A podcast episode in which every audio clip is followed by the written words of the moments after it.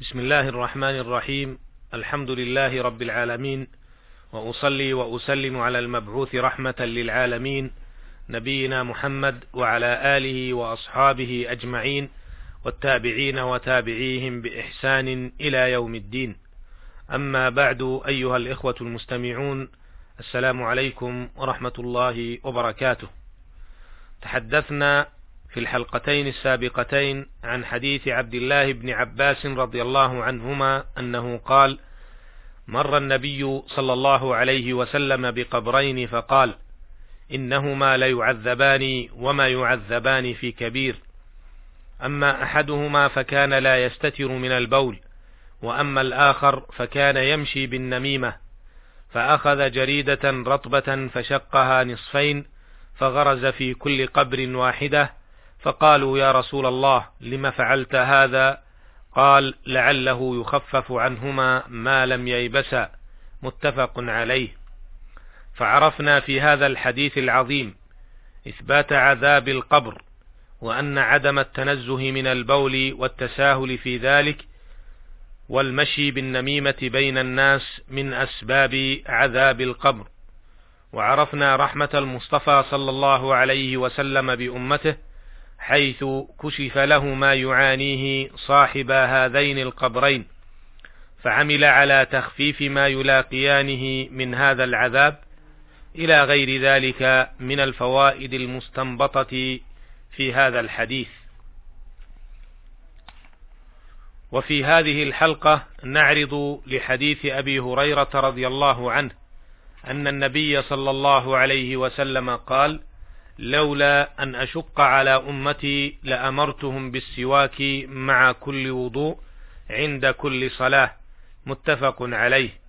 وحديث حذيفة ابن اليمان رضي الله عنه أنه قال كان رسول الله صلى الله عليه وسلم إذا قام من الليل يشوص فاه بالسواك متفق عليه.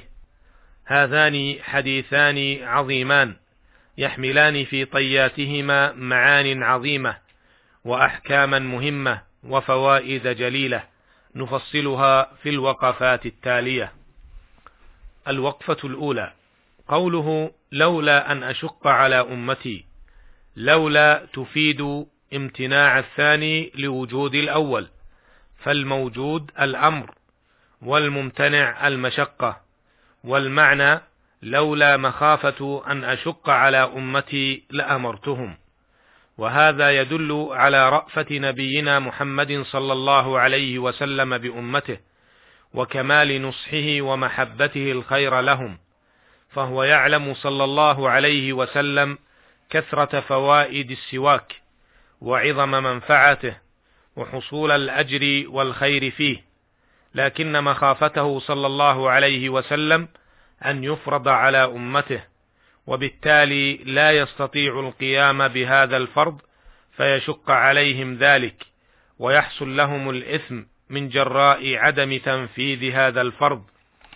فلم يفرضه عليهم فلجأ إلى الترغيب فيه والحث عليه. الوقفة الثانية. قوله صلى الله عليه وسلم لأمرتهم بالسواك. السواك بكسر السين. اسم للعود الذي يتسوك به وللفعل الذي هو دلك الأسنان بالعود أو نحوه لتذهب الصفرة والأوساخ وليطهر الفم وتبعد الرائحة الكريهة ويحصل الاتباع للمصطفى صلى الله عليه وسلم. فقوله بالسواك أي باستعمال السواك. الوقفة الثالثة. قوله مع كل وضوء عند كل صلاة هذه بعض المواضع التي يستحب فيها السواك وسيأتي شيء من تفصيل ذلك إن شاء الله تعالى. الوقفة الرابعة قوله في حديث حذيفة رضي الله عنه: إذا قام من الليل يشوص فاه بالسواك، يشوصه بفتح الياء وضم الشين، والشوص دلك الأسنان بالسواك عرضا فالمعنى أنه يدلك أسنانه بالمسواك. الوقفة الخامسة. اعلم أخي المستمع أن حكم السواك مستحب. قال الإمام النووي رحمه الله تعالى أجمع من يعتد به على أنه من السنن المؤكدة وليس بواجب. إلا ما حكي عن داود الظاهري أنه أوجبه في الصلاة. وهذا الحكم يعم الصائم وغيره. الوقفة السادسة. للسواك فضل عظيم وفوائد كثيرة وحكم متعددة ففيه يتطهر الفم وتزكو رائحته وتذهب صفرة الأسنان كما أنه مرضاة لله جل وعلا. واتباع لسنن المرسلين واقتداء بالمصطفى الأمين عليه أفضل الصلاة وأتم التسليم روى النسائي في سننه وابن خزيمة وابن حبان في صحيحهما والبخاري معلقا عن عائشة رضي الله عنها أن رسول الله صلى الله عليه وسلم قال: السواك مطهرة للفم مرضاة للرب. وروى الترمذي وحسنه عن أبي أيوب رضي الله عنه أنه قال: قال رسول الله صلى الله عليه وسلم: أربع من سنن المرسلين الختان والتعطر والسواك والنكاح.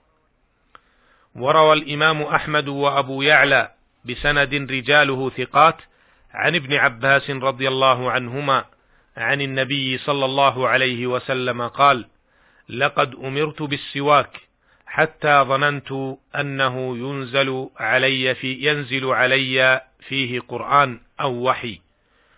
وروى الإمام أحمد والبزار وأبو يعلى وابن خزيمة في صحيحه والحاكم في مستدركه وقال صحيح على شرط مسلم عن عائشة رضي الله عنها عن النبي صلى الله عليه وسلم قال فضل الصلاة بالسواك على الصلاة بغير سواك سبعون ضعفا.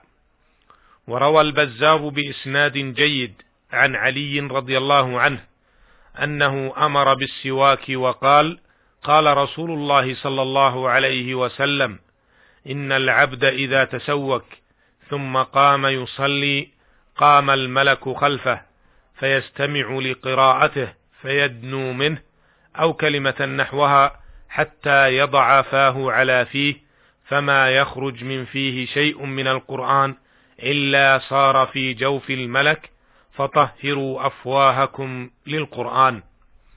أيها المستمعون الكرام هذا فضل السواك وفوائده العظيمة فضلا عما يعود على المستاك من فوائد صحية للأسنان واللثة واللسان بل كما ثبت طبيا أنه قد يكون علاجا لصداع الرأس والتهابات الفم ويكفي أنه مرضاة لله جل وعلا.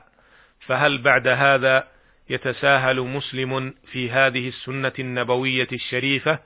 المؤمل من كل مسلم ومسلمة المحافظة على ذلك اقتداء بالمصطفى صلى الله عليه وسلم. أسأل الله جل وعلا أن يرزقنا الاتباع وحسن الاقتداء إنه سميع مجيب. وللحديث بقية وإلى اللقاء في الحلقة القادمة إن شاء الله. والسلام عليكم ورحمة الله وبركاته.